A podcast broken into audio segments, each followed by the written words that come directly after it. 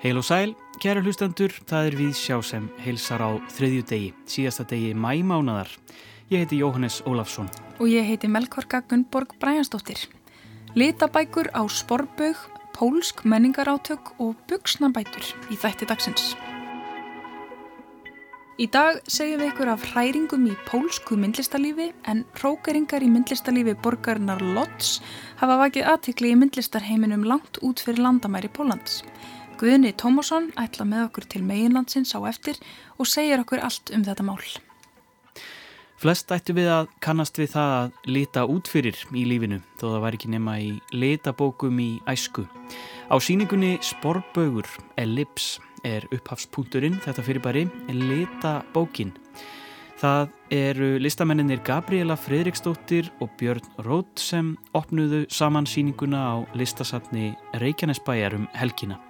Gabriela Fredriksdóttir og Björn Rótt eru bæði vel þekkt fyrir ævintýralegan myndheim þótt með ólíkum hætti sé. Einn kynnslóð listamanna skilur þau að en á sama tíma tilhera verk þeirra sömu fjölskyldu. Bæði eru þau þekkt fyrir surrealíska tólkun á heiminum á samt pönguðu viðhorfi til heimsins. Við skreppum sögum með sjó hér í lok þáttar og lítum við á sapninu sem síningin er sérstaklega hönnuð inni og ræðum litabækur og list við Gabrielu og Helgu Þórstóttur, sapstjóra. Og við beinum sjónum okkar að listahátið í Reykjavík sem hefst á morgun með stút fullari dagskrá. Þar á meðal er ljósmyndasýningin Bótaþegi sem Raffn Holmfríðarsson Jónsson eða Krummi eins og hann kalla sig stendur að. Sýningin er af persónulegum og pólitískum toga en þar fjallar Krummi um þann veruleika að vera fatlaður og lifa við fátækt í íslensku velferðarkerfi 2001. aldarinnar. En við byrjum á myndlist í einu stærsta landi Evrópu og fréttaflutningi af hræringum, hrókeringum og jafnvel hreinsunum. Gunni Tómasson tekur nú við.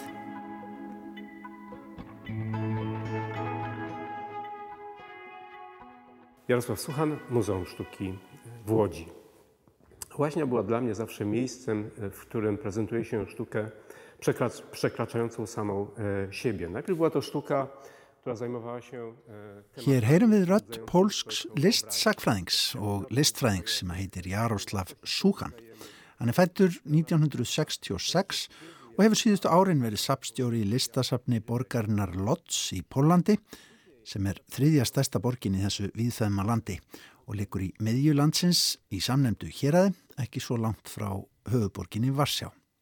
Í Lodz búa ríflega miljón manns á stórborgarsvæðinu en borgin er mikilvæg akademísk og menningarlegu miðstöð í Pólandi. Það eru tveir háskólar, þar á meðal kveikmyndaháskóli og fjöldi leikúsa sapna og annara menningastofnana. Meðal annars er þarna listasapnið sem yfirleitt er kallað MS, Museum Stuki, eða listarinnar, listasapnið einfallega. Listasapnið á ræturareikja til ásins 1930 en það er með starfstöðvar á þremu stöðum í borginni og státar af góðu sapni framústefnulistar frá þessari öld og síðustu og hefur þótt nokkuð framsækið í stefnu sinni undan farin ár. Þá hefur ekki síst verið hort til verka sapstjórans Jaroslav Súkan sem er velversaraður í samtímalistinni og hefur meðal annars reytað svo kallan Atlas Modernismans, bók þar sem að sapneik sapsins er nýtt til að miðla hræringum í samtímalistinni á síðustu öld. En Jaroslav Súkan er ekki lengur í náðinni. Í nógumber á síðasta ári var samningur við hann ekki endur nýjaður og hann þessi stað gerður að starfandi sapstjóra sapsins í Lodz. Það var síðan í lok síðasta mánadar að Súkan var skindilega kallaður á fund hjá undirráð þeirra menningamála í Pólandi og honum tilkynnt einfallega að hann ætti að taka pókansinn. Engar skýringar voru gefnar á ákverðunni eða hún raukstuð með nokkru móti en ljóst þykir að ráðandi öflum í landinu, hægri floknum sem er við völd sem heitir jú lög og réttlæti þykki Súkan engan veginn réttur maður á réttum stað. Ég fekk enga útskýringu, segir Súkan í samtali við vefmiðlinn The Art Newspaper sem fjallar um málið. Þetta var mikið sjokk. En málið hefur sem sagt vakið aðtikli langt út fyrir landamæri Póllands. Til dæmis hefur Richard Armstrong, sapstjóri Guggenheim sapsins í New York, sendt yfir á þeirra menningamála í Pólandi og var að fósatsráðara landsins, Pjótr Glinski, bref þar sem að því er líst að uppsögn Súkan sé sjokk fyrir safna samfélagið á heimsvísu. En söfnin tvö, Austanhafs og Vestan, Guggenheim í New York og listasafnið í Lodz hafi lengi haft með sér gott og árangusríkt samstarf. Armstrong er á því að með störfum sínum hafi Súkan haft mikil áhrif á alþjóðlegan prófíl pólskrar myndlistar og líka komið heimaborg Sapsins Lodz vel á kortið í þessu sambandi. Annar þungaveiktar aðli úr bandarísku myndlistalífi, Glenn Lowry, sapstjóri samtímalista Sapsins MoMA, Museum of Modern Art í New York, hefur líka bent á að Súkan hafi lagt ríkulega á vogaskálarnar til að hefja pólska myndlist, mótinismans og samtímans til vex og virðingar á alþjóða vísu. Hann njóti líka útbreytrar viðkenningar sem fræðimaður á sviði myndlistar. Og fleiri sapstjórar hafa tekið undir, til dæmis húsræðandur í sapni Sofíu Drotningar í Madrid og teit listasapninu í London. Allt eru þetta söpn innan Bísó-hópsins svo kallaða en í honum eru á þriðjatug þekktustu listasapna heims. Þau samtök hafa líka formlega mótmælt uppsögninni. Pólitískur undirtótt þessarar uppsagnar er nefnilega greinilegur. Litið er svo á að Súkan sé síðasta fórnalamp herrferðar ríkjandi pólskra stjórnvalda, það er að segja flokksins laga og réttlætis, til að herða tökinn í pólsku menningarlífi og leiðrætta kursin að þeirra mandi. Að undanförnum hefur verið skiptum sapstjóra í tveimur mikilvægum söpnum sem að vinna á landsvísu í Varsjá Áðurnemdur Richard Armstrong í Guggenheim er harðorður og segir takmark pólskra stjórnvalda vera ljóst að gera söpnin að þægum hugmyndafræðilegum sokkabrúðum í höndum stjórnvalda. The Arts Newspaper tekur til dæmis myndlistamannin Mikael Frídrik tali og hann staðfestir að víða finni fólk í myndlistarheimi Pólans fyrir pólitískum þrýstingi um þessa myndir Þrýstingjum að halda sig á línunni tróð ekki ríkjandi stjórnvöldum um tær. Aðgangi að atvinnutækifærum sé beitt í þessum tilgangi en líka stundum alvarlegri meðlum, málsóknum og jáfnvel sektum. Listamenn hafa bröðist við með því að setja á stopn sjóði sem að geta hjálpa til við varnir þegar kemur að reytskoðunar tilbörðum sem þessum. En maður kemur í manns stað, stundum sagt, undir menningamálar á þeirran valdi Andresi Birnaki sem eftirmann Jaroslavs Súkan í listasafnu í Lodz. Sá hefur þryggja áratuga reynslu við rekstur gallerís í bænum Lovtík sem er mitt á milli Varsjár og Lodz en hefur ekki fyrr stýrt ofinberi stopnun. Fram hefur komið að Birnaki vilji minka hlutfall alþjóðlerar myndlistar í starfsemi Sapsins og einbinda sér frekar að pólskum listamönnum. Engin hefur sagt að maður ætti aðeins að einbinda sér að list sem að snýrað verndun umhverfisins, kynjapólitík eða hins einn málefnum sem vestrænar menningarstofnanir íta að okkur er haft eftir nýja sapstjóranum í Lodz. Það er greinlegt hvað er farið að fara í töðarnar á menningarstjórnvöldum í Pólandi. Þetta sé ekki allt eitt stort samsæri. Samtímalistamenn í Pólandi hafa mótmælt þessum rókeringum í myndlistarlífinu í Lodz, telja nýja sapstjóran Bernaki enganvegin búa við nægilegri yfirsýna reynslu til að leiða sapnið. Hann komist ekki í hálfkvist við sapstjóran fyrverandi, Jaroslav Sjúkan. Í áhafnubrifi til yfirvalda er spurt hver er réttlætingin á bakvið það að stopnun sem hefur gætt að framústöfni sé núna stjórnað af aðila sem að fordæmir og grefur undan breytingum, tilurnagleiði og félagslegri meðvitund í myndlist sem lítur á framústöfnu í listum sem tröflun. Skipunun er í augum listamannina sem að skrifa undir þessa álegtun. Talin geta stemt alþjóðleiri stöðu Póllands í listum og menningarsamstarfi í hættu. Slík menningarleg einangrunarstefna geti brotið niður pólskan menningararf með tíð og tíma. En fyrir mér er bent á að slíkar hreinsanir í menningakerfinu séu engan veginn einstæmi í samhengi Austur-Európu á síðustu árum. Þetta hefur gerst víðar hérna í nágranna löndunum, til dæmis í Ungarlandi.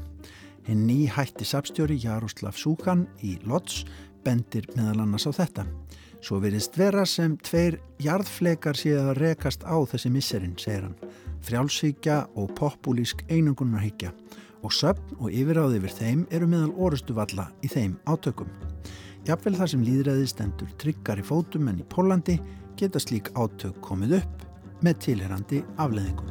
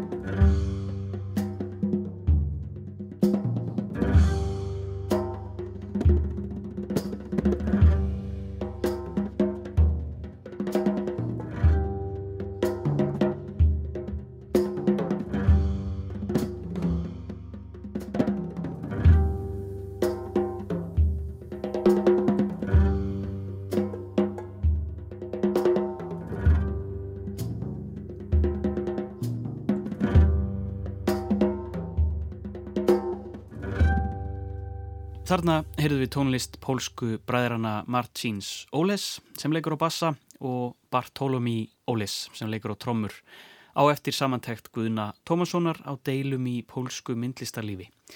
En frá Pólandi höldu við hingað heim. Á morgun miðugudag hefst listaháttíð í Reykjavík og stendur hún til 19. júni. Yfirskrift háttíðurinnar í ár er Hinum megin.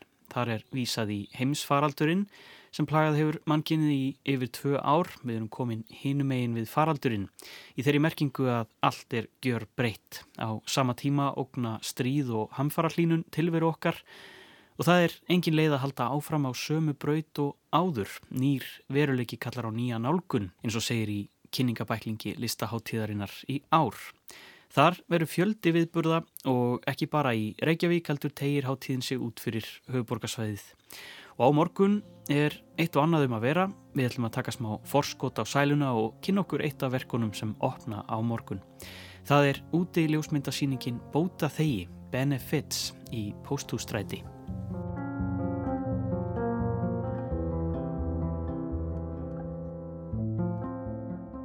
Á morgun opnar ljósmyndasýningin Bóta þegi í Pósthústræti við Östruvöll. Sýningin er hluti af listaháttið í Reykjavík sem hefst á morgun 1. júni með þjættri og fjölbreyttri dagskrá. Bótaþegi er hugarfóstur ljósmyndarans Krumma sem heitir fullunafni Rappn Holmfríðarsson Jónsson. Krummi útskrifaðist úr ljósmyndaskólanum á síðasta ári og hefur síðan þá vakið aðtekli fyrir verksín sem þykja búa yfir sérstöku næmi og sterkri tilfinningu fyrir andrumslofti. Hann hefur meðal annars synt í Ásmyndasal, Galleri Porti, Ljósmyndasafni Reykjavíkur og á Copenhagen Photo Festival. Innblástur síningarinnar er af pólitískum og samfélagslegum toga en þar fjallar krummi að einhverju leiti um eigin veruleika að vera fatlaður og leifa við fátækt í Íslensku velferðaríki 2001. aldarinnar. Að líða efnislegan skort í einu mest velmegandi ríki heims. Í þjóðfélagi þar sem kapitalisk gildi eru alls ráðandi og hamingin er fólkin í auknum kaupmætti hver er þá staða þess sem ekki getur tekið þátt í nýslukaplöpinu. Við heyrðum í Krumma sem sagði okkur nánar frá síningunni.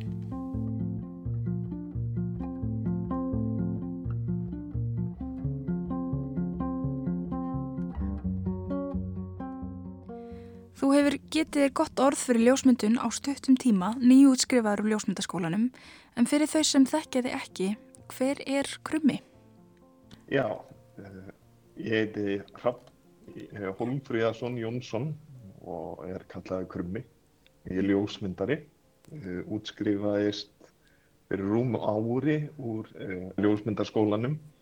Sjánslega einu og hálfa ár hefur við verið bara ótrúlega langsamur og, og fengið að sína bæði, bæði hér á landi og, og, og erlendis. Þetta verk, bóta því, er eitthvað sem er búið að vera svona, í mínum huga tölvöld lengi sem sagt vegna föllunar minnar þá þarf ég ofta að leysa frekar svona hverstagslegar þauðir mm -hmm. eins og að fara niður stiga eða tröppur og þarf þá ofta að gera það á bossanum og í gegnum dýna hef ég eðilagt ófáur buksjur við þess eði gerir svona gött á þau út af núningnum við að fara niður. Umveit og kannski svona flestar af þessum buksum voru tískumerki eh, sem eru svona viðkjönd og ég kefti þessar líkur svolítið til þess að fela þá staðirind að ég örörku bóta þegar svona lifi svona á íslenskan mælikvarða í, í fátækt. Þannig að þetta er rauninni, já, titillin er svona tvíbendur, þetta er rauninni tvöfaldur skilningur á orðinu bóta þegar Já, að þetta eru, eru bætirnar sem að þú setur í buksurnar og svo samfélagslega staða. Ja, algjörlega. Og þessi síning hún er að opna á morgun sem hluti af listaháttíð í póstústræti. Er, er það rétt skilja á mér að hún er utandira? Já, hún er utandira. Hún er sagt, á síningaskildum sem eru beint uh, á móti ingangi uh, Hotel Borg og alla myndirna snúa svolítið af eh, alþingi. Eh, þar sem að þetta er kannski svona vandamál sem þau þurfti svolítið að taka betur eftir. Eh, þannig að vonandi sjá þau þetta og, og bara eins að reyna að, að hugsa í, í lausnum. Þetta, þetta verk er náttúrulega svona ákveði djók ákveðin farsi það þannig sé þetta er svona aðeins öðruvísi nálgun á málinni fallara en svona er oft nótuð og, og það er náttúrulega bara út af því að, að velferðarkerfið hérna á Íslandi er náttúrulega bara ákveði djók og, og er svona plástrað einhvern veginn saman. Mm -hmm. Það er kannski svona ákveðin uh, samlíking við bæturnar að það er ekki endilega vera að heila eða laga, það er bara vera að svona plástra einhverju svona frekar ódýr lust. Og svona skamvinnar lustnir skamvinarlausnir og, og mjög svona handahófskendar einhvern veginn. Já, þannig að er í rauninni svona uppstilling líka því þetta er utandira, þú ert ekki með hefðbundi síningarými. Hvernig, hvernig stillum maður upp ljósmyndum utandira? Maður stillum bara upp eins og maður stillum inn í, í galleri, eh, þannig séð. Ég, ég er inn alltaf að ná fram eh, ákveðinni eh, fagurfræði að þetta verður að hafa einhvers konar aðdraftar afl en, en síðan í miðjuverkinu er dæmi sem var uh, reiknað út af hagfræðing sem sýnir munin á uh, tekjumöguleikum öryrkja uh, og tekjumöguleikum þeirra sem eru ekki á öryrku og, og munurinn er tölvöld sláandi. Mm -hmm. Vist, ég er að nota eitthvað myndrænt til þess að, að vekja aðdegli á, á vandamáli sem er ekkert mjög vinsælt að tala um. Já, einmitt. Þannig að það er mjög svona, það er beittur pólitískur tótni í þessari síningu og það er sterk Já. samfélagsleg gaggrinni þarna á ferðinni og, og þú segir, þú, þú beinir þeim í áttina að alþingi. Já, menna, fannst það réttast í, í stöðunni að beina þessu að alþingi frekar en að beina þessu að þeim sem er að, að sóla sig á austuvelli. Uh, maður, maður beini vandamáli að þeim sem hafa vald til að laga það, ekki, ekki að þeir uh, séu að gera það. Og já, þetta er svona, myndir þú segja að þetta væri svona þráður í þínum ljósmyndaverkum, svona frá því að þú byrjaði að koma fram á sjónasviða, þá hefur svona svolítið unni með, það er svona kannski ákveðin samfélagsleg ádila í verkunni þínum og þú ert svolítið líka að vinna með þeim með þína stöðu sem fallaður einstaklingur. Myndið þú Já. segja að það var einhvers konar svona rauður þráður í þenni listsköpun? Það er kannski að myndast í, í minni listsköpun. Það sem hefur verið svona undirliggjandi er það að, að ég þarf að vinna eh, innan og út frá minni föllin það er bara minn eini möguleiki og það form uh, passar ekki inn í uh, stóra markaðin þannig að þetta er náttúrulega uh, svolítið um svona, já, samspil markaðas og, og velferðarkerfis. Ég passa ekki inn í þetta mótel af því ég get ekki uppfyllt þau skiliði sem markaðurinn krefst þó ég væri allur að vilja gerður og, og ég skil það alveg. Velferðarkerfið grýpur mig svo ég falli ekki fram á björgum en, en um leið fangilsaða mig í, í fyrsta lagi eru fáir sem vilja ráða mig í vinnu á mínum fórsendum uh, sem ég skil mjög vel en, en í öðru lagi ef ég fæ styrk til að skapa eitthvað sem við getum kallað verðmæti sem getur gefið mér færa að taka meiri þátt í, í lífsgæðamarkaðanum tekur kerfið alltaf framfærslu upp og þannig af mér. Skerðingin er það mikil að viðbótinn verður ekki liftistöng fyrir mig nema að litlu leiti mm -hmm. nema að eitthvað kraftaverk gerist að, að veist, einhver, einhver af þeim fáu tækivarum sem ég býðist uh, bera einhvern svaka ávöxt. Og hefur ágæta velferðarkerfið gemur með annar hendi en tekur svo allt of mikið með hinni. Mm -hmm. Já, þannig að þessi, þessi verk þau svona endur spekla þetta stóra samhengi velferðarkerfisins og bara kapitalismans það er svona, já, kapitalísk ádela í þessu, þessu stöðuga neistlu kaplöpi og, og, og þeirra eins og þú segir sem að hafa ekki sumi fórsendur til að taka þáttið í Það er markaðurum segir lífsgæðin verða til vegna þeirra verðmæta sem þú býrð til á vinnumarkaði og er seldan stóra markaði hamingjan fælst í því að uh, passa inn í, í staða límyndina og vera áferðafagur og, og eiga dýr tískuföld. Og þú lístir þessu áðan en þú notaður orðið farsi? Þetta er náttúrulega bara eh, djók þannig sé. Eh, bæði að, að ég sé í þeirri stöðu að eiga fullt af buksum sem eru rittnar og, og þurfa að bæta e, bara út af að það er ekki handrið uppeða niður stígana á, á mínu heimili. Og meina, hvaðtinn af þessu verkefni í rauninni var uh, rannsók sem var unnin fyrir ÖBI uh, sem síndi fram á 8 af 10 öryrkjum ná ekki enda á milli öll mannamot þannig að ég sem 32 ára kallmaður er að, að ringja í vini og, og bara mína móður og, og byggja hann í tíu skall. Í enda mannarins sem er hérna ekki mannsæmandi. Þannig að, að já, ég, ég er svona ákvæða að nýta þetta verkefni í að, að vekja aðtíkli á þessu. Og er það svona markmiðið með ljósmyndunum, með síningunni, er það áhrifin sem þú vonast til þess að, að síningagestir verði fyrir?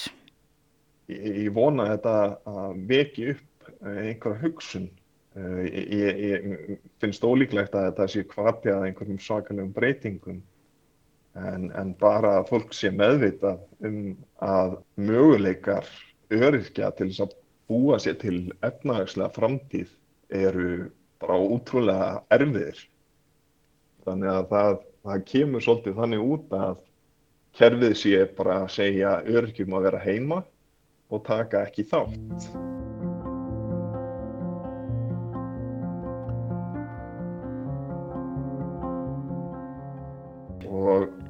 Ég, ég, ég er landsamur, ég á gríðarlega stert bakland sem grýpur mig þegar ég fell og, og stiður mig ef mér skrika fótur og, og heldur á mér þegar ég get ekki meir. Eh, svo tilugsun að margir öryrkjar og bóta þegar hafi ekki þetta bakland er, er hvað til þessu verkefni.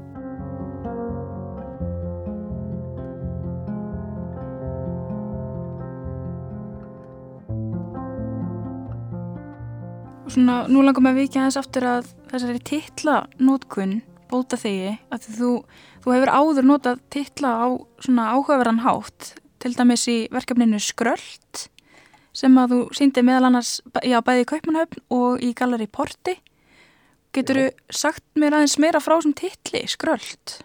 Eh, þetta er svona tilvísun í, í meitt göngulag eh, það er svona mjög handófskjönd Nei, ég tala oft um að ég skröldi áfram.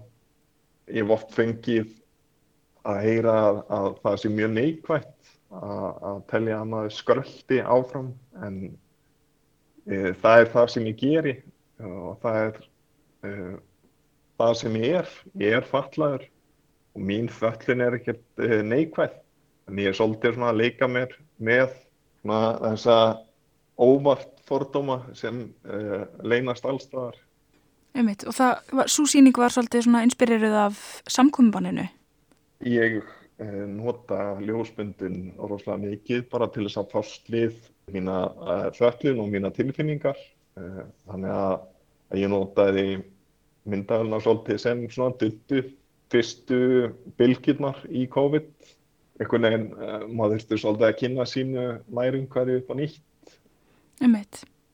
Og ég líka svolítið forveitin sko, um bara áhrif þess að fást við þessa listgrein, að fást við ljósmyndun á þitt daglega líf.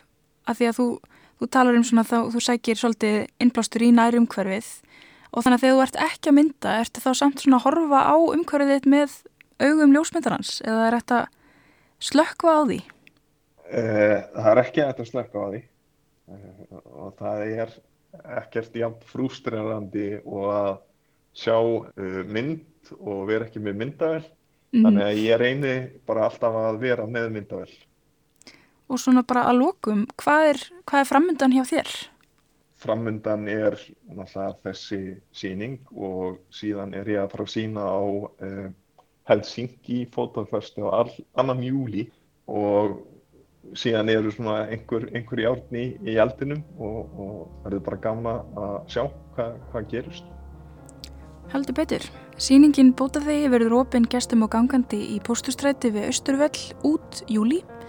Raffn Holmfríðarsson Jónsson, Krummi, takk kærlega fyrir og til hamingi með opnunina á morgun. Bara takk kærlega.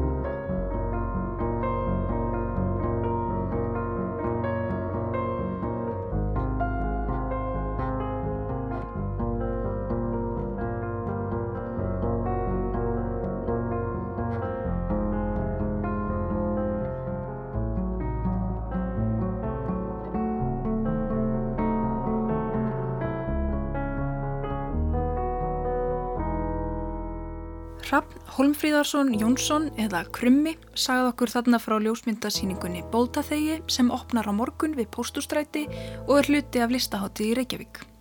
Og þá voru þeir Magnús Jóhann og Skúli Sverrisson sem leku undir af plötunni Án Tillits sem kom út í fyrra. En úr Póstustrætinu höldum við vestur eftir Reykjanesbröðinni.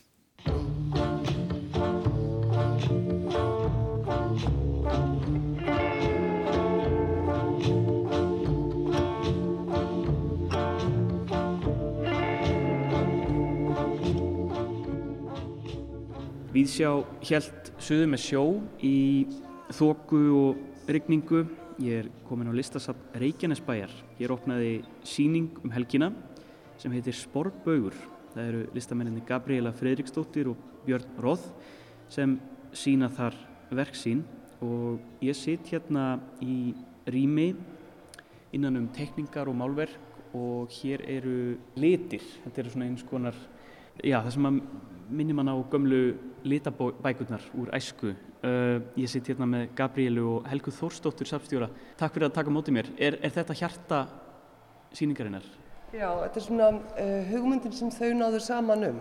Þetta var bara fættist hérna við hliðin á uh, safninu. Við fórum og fengum okkur eitt kaldan Já. og þau fóru að tala um litabækur og þannig var þetta til. Af hverju litabækur? Hvað? Hvað er það sem að heillar eða heillar ekki við litabækur? Ég er náttúrulega bara, ég elskaði litabækur þegar ég var krakki. Og svo fór ég að nefna þetta við Bjössa, eða Björn Rót. Og þá sagði hann, já, heyrðu, litabækur, ég man að hann sagði við mig, ég man þegar pappi kom ekkert mann frá Sviss tilbaka, þá var ég á fulla að lita í litabækur, mikkamús og eitthvað. Og hann trompaðist, tók bækurnar og hendiði og bjó bara til sína eigin litabók fyrir mig sem hann kallaði litabók Bjössa litla. Já. Þannig að veist, þetta var einhver draumur hjá mér að gera litabók, þú veist, í staðan fyrir katalóg og það var svo gaman að hann tók svo vel í það og líka Helga. Þannig að þetta er bara, er bara draumur ræst, sko. Akkurat. Já. Og hvað er, hvað er á þessum myndum? Hvað, hvað vildi þú setja í litabók? Ég var að reyna að setja bara allt sem að mér finnst best í þessu litabók. Ég setti til með hérna, eina sen bútíska giðju sem heitir Kanseon, sem margir kannast við. Það er svo sem heit, heyrir grát heimsins, hún er þarna. Svo gerði ég stundaglas og leitina að lífstakninu undir rós og einsötumannin, kvalregan, ruggludallin og fleiri sögur. Já. En hvað, eh, sko, litabókin er náttúrulega snýst um það að lita innfyrir, eða svona það er svona markmiðið sem lagt er upp með. Er, er litabókin ekki svona svolítið þvingandi form ef maður er sá sem litar í hana? Sko, jú, það er svona eins og alltaf tala um það, en ég verði að játa eitt að það kom hérna einn svona góðu gestur á heimili okkar þegar ég var barn sem að gjörsamlega litaði út fyrir. Svo ótrúlega flotta mynd. Að við sýsturna bara tókum það bara sem lögmál og höfum síðan bara litað út fyrir. Já. og það er líka skemmtilegt við það, þú veist, að því að þú, þú færði einhverja reglu og oft er svo erfitt að byrja. Svo byrjar þau bara að lita inn í og svo byrjar þau að tússa yfir.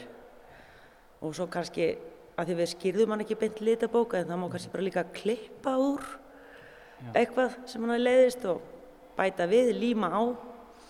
Þannig að þetta er svona líka um það að það er svo gaman þegar ég man eftir því þegar maður lærði að lita inn fyrir, maður gerði fyrst rosa stert kannski með lit í kring.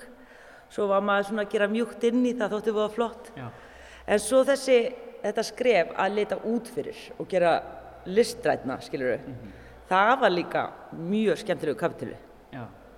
Þegar að maður kannski svona sættir sig við auðanstrega og, já, og svona er ekki hrættur við hann. nei, Er, er það eitthvað svona leitað eitthvað í bernsku eða eitthvað svona sköpuna, svona upprunalegri sköpunargleði eða að, að finna einhvern veginn svona vera ekki hrættur við auða, auðastregan?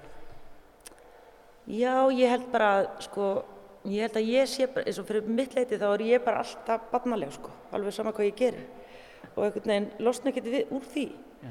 En hérna, það sem að mér finnst kannski gaman í þessu samengi, eins og þú veist að katalógar, þú veist, eru ofta ekki mikið lesnir nema bara kannski af listfræðingum.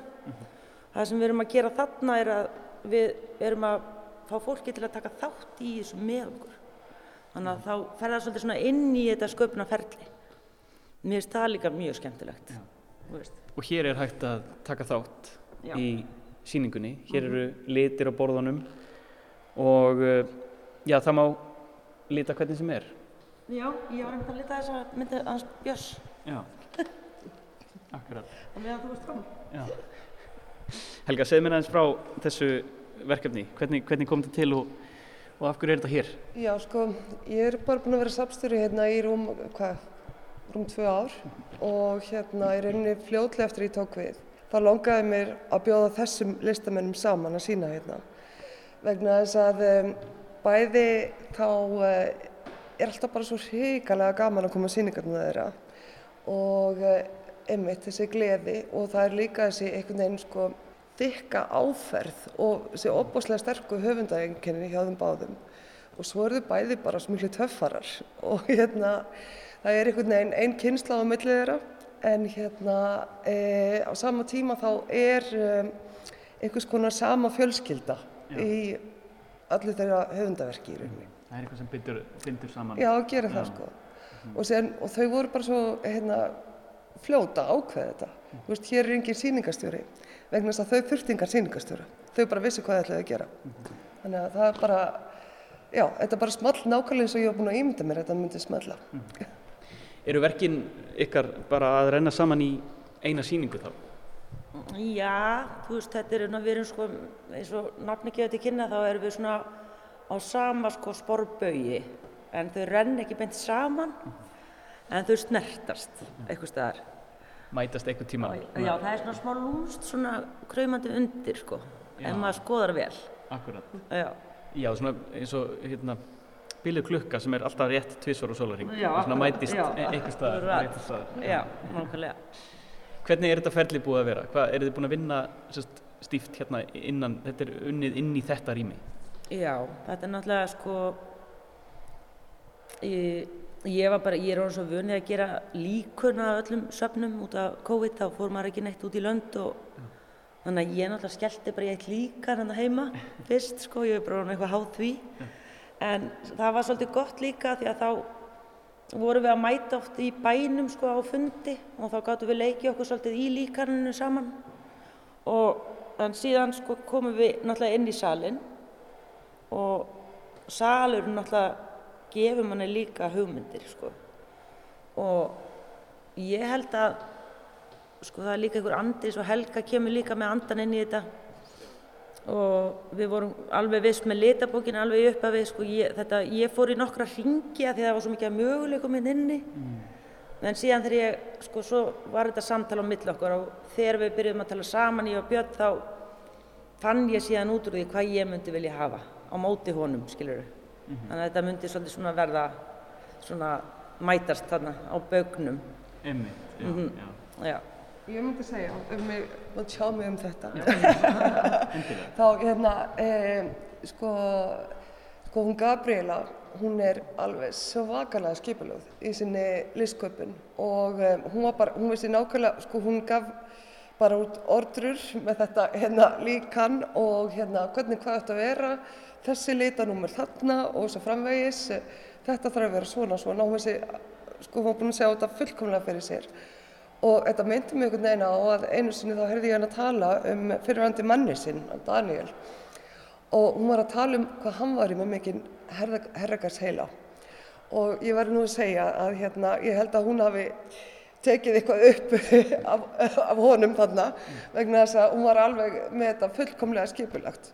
Á móti kom að Björn kom hins vegar hingað með í rauninni ekki margt skipulagt en hins vegar með krú og eigum að segja, sko, þeir, þeir hérna, það var svo dásalegt að horfa á það að vinna vegna þess að þeir hérna, það voru mikla, miklar ástríður á milli hans og hans krús og, og allir hefðu skoðanir.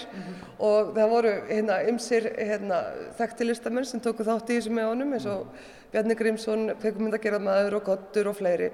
Gunnar Smiður sem að hérna er nú eiginlega bara þekktur og hérna og það var nú eiginlega Gunnar Smiður sem hafði mesta skoðaninnar og það var svo óbóðslega gaman að fylgja með, fylgjast með þessum eh, grown ass men öskra á hvora aðra. Um hérna hvernig hlutinir ætti að vera. Og svo, svo hérna klöpuðu þau hvora árum með baki og sagði jú, jú, ok, þetta er gott og svona. Þannig að þetta var í rauninni, þeir voru að semja sín á milli um þessa innsetningu. Og ég veit að Byrnir mjög andum að, að hérna, það komi fram að þetta er sko hann með sínu bandi sem gerði þetta. Þannig að þetta skeiði algjörlega hér og algjörlega þeir komi bara með fullt af efni og þetta er eins og bara kollas byggður á staðinu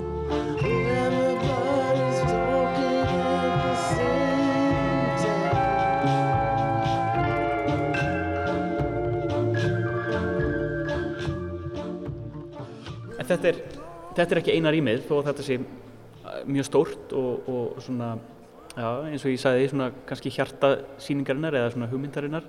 En það eru fleiri rými.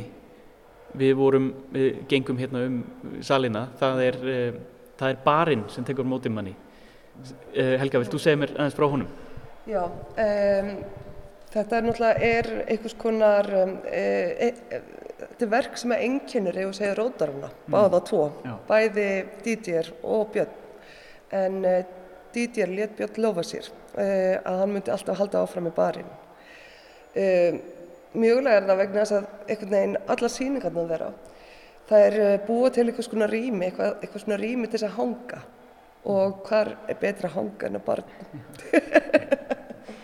Þannig að þetta, e, þú kemur hinga núna í Lisa Breikinisbæjar, þá er þetta staði til þess að bara, einmitt, hanga svolítið á, lesa bækur, setja við barinn og bara fíla sig, Já.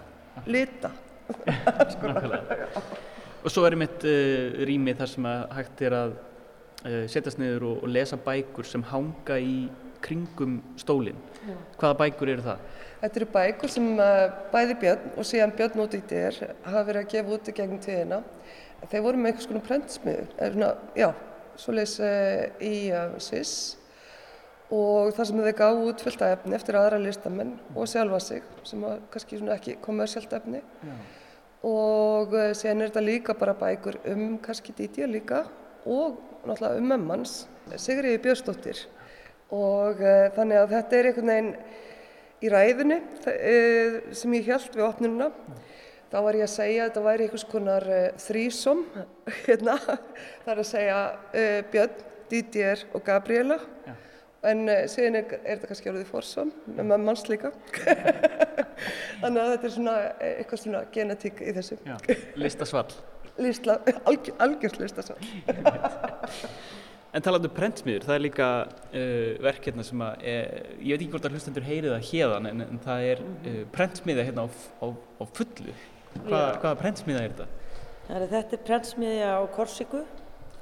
Og þegar ég gerði þessa stuttmynd þarna fyrir hérna, Channel 4 og Frís Art fyrir hérna fyrir nokkrum árum mm. þá ákvaði ég og Pér Alan Síró, hérna kollegi minn að fara til Korsiku og, og vera, við vorum nýbúin að kaupa okkur kameru og ákvaðum að vera þar í mánuði á svona upp í kletti og við vorum búin að koma í prentsmiði að við fórum upp á klettin og það voru sýstur þar sem að eiga prentsmiðuna og þegar ég gekk að neinn þá heyrði ég bara þetta dásamlega hljóð. Bara gekk á það. Og þá var þessi eldgamla prentvél frá Heidelberg í gangi. Mm -hmm. og ég sagði Pér alveg ég sagði bara, heyrðu, soundtrackið er komið allavega og held ég aðleikarinn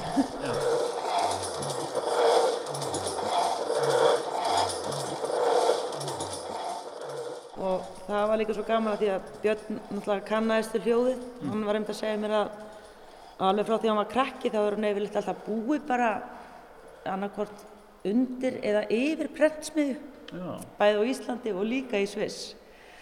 Þannig að, að hann var alveg þarna er smá lúms líka veist, mæting hjá okkur. Akkurat. Allt um líkjandi já, já, já, og hérna og ég einmitt fór hann til hérna, Basel og gisti í hérna, vinnustofu Díters hérna, fyrir löngu síðan. Já. Og þar fyrir neðan er, var gömul prentsmiðja sko. mm -hmm. og mér er þessi prentverk sko, sem að þeir gera þau eru náttúrulega alveg geggjur sko. en Íslendingar hafa ekki alveg, geta kannski alveg farið þarna við hefum ekki haft möguleikan á því þannig að sé mm. sko. við erum meira kannski fyrir orðið Já en sko sviss, svissarar eru rosalega mikið í prentverkum Já. og þau eru svo skemmtilega og þess vegna kemur líka kannski þessi litabók. Litabókin. Að við lítum á hann náttúrulega bara í raun og veru sem verk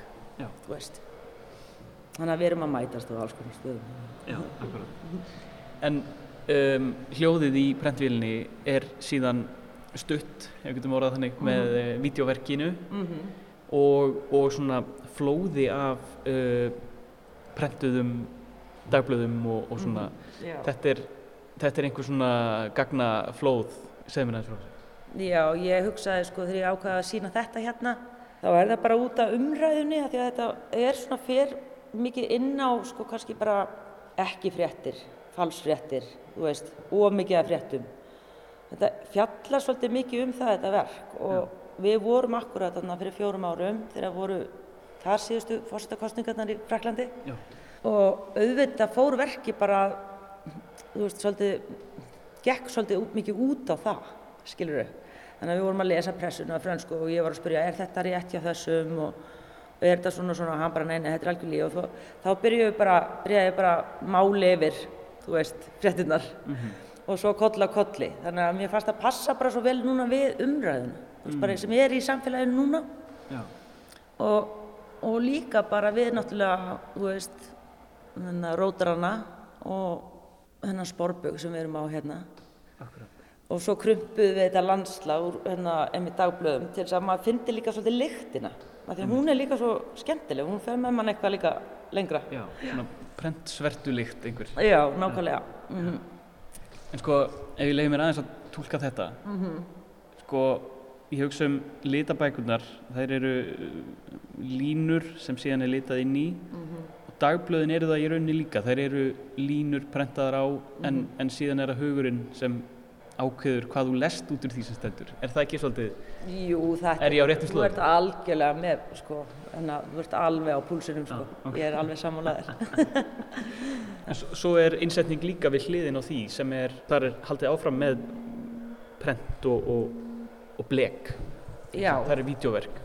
Já, við, við vorum einmitt að klára þessa mynd. Þetta eru að vísu blekbindi sem ég gerði fyrir nokkrum árum og svo komumst við bara í það að ég voru að klára hana, ég og Pér Allen sem ég nefndi áður og þetta er einmitt líka mjög mikið um, sko, þó að sjást kannski ekki alveg í teiknumyndinu nema pínu, þá er þetta rosalega mikið pappirinn og blekið, sko. Þú veist, þetta er bara í raun og veru, maður fer inn í þann heim eins og ég sagði þér frá þá var ég líka að reyna, að ég notaði japanska aðferð við þetta, þá var ég líka að reyna að tilenga mér eitthvað stíl í þessum efnum. Og það var mjög erfitt að því maður mað, mað fer svolítið bara inn í bambusinn og, og froskinn, skilur þú veist, þegar maður er með þessi efni.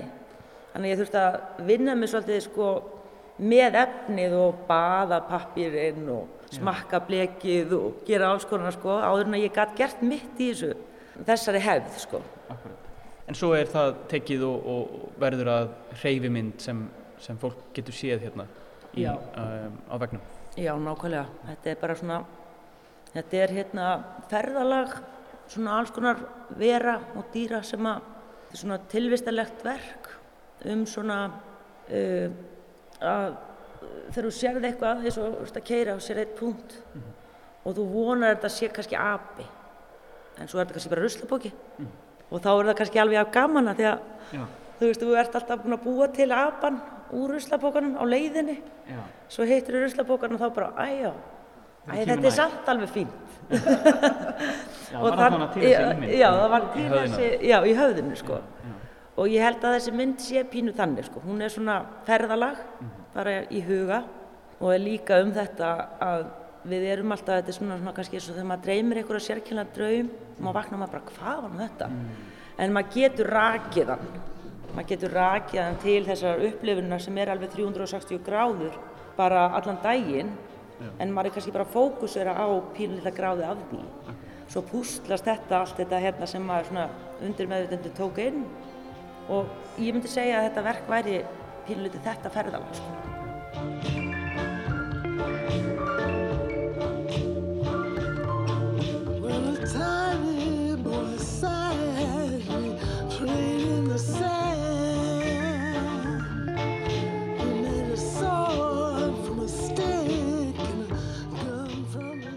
Helga, maður þarf að dvelja svolítið lengi hérna, er það ekki?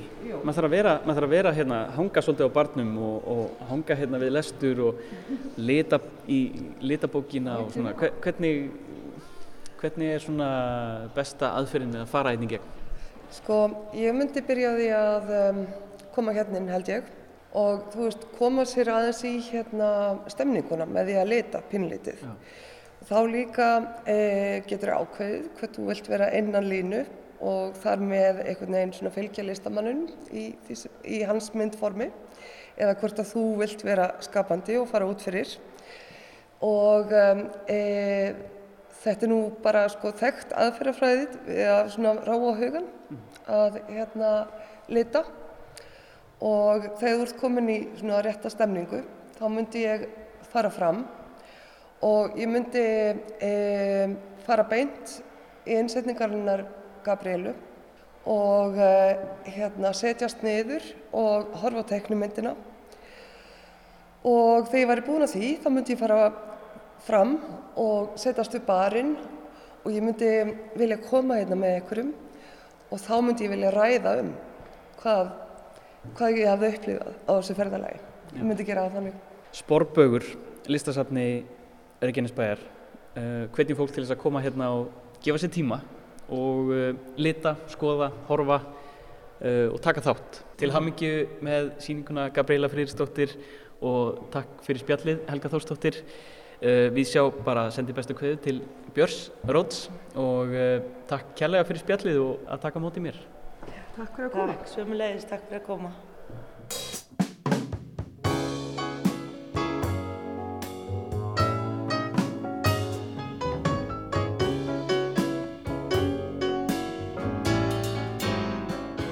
Það voru þær Gabriela Fredriksdóttir og Helga Þórsdóttir sem þarna sögðu frá nýri síningu sem opnaði um helgina Sporbaugur í listasafni Reykjanesbæjar með verkum eftir Gabrielu og Björn Rótt. Hér undir og í kring höfum við hlustað á tónlist eftir bandaríska tónlistamannin Tom Waits og við ætlum að enda á honum í dag. Þetta er lægið New Coat of Paint frá 1974. Það verður þá ekki fleira í viðsjá í dag. Við Melgorka og Jóhannes þökkum fyrir okkur. Þanga til næst. Verðið sæl.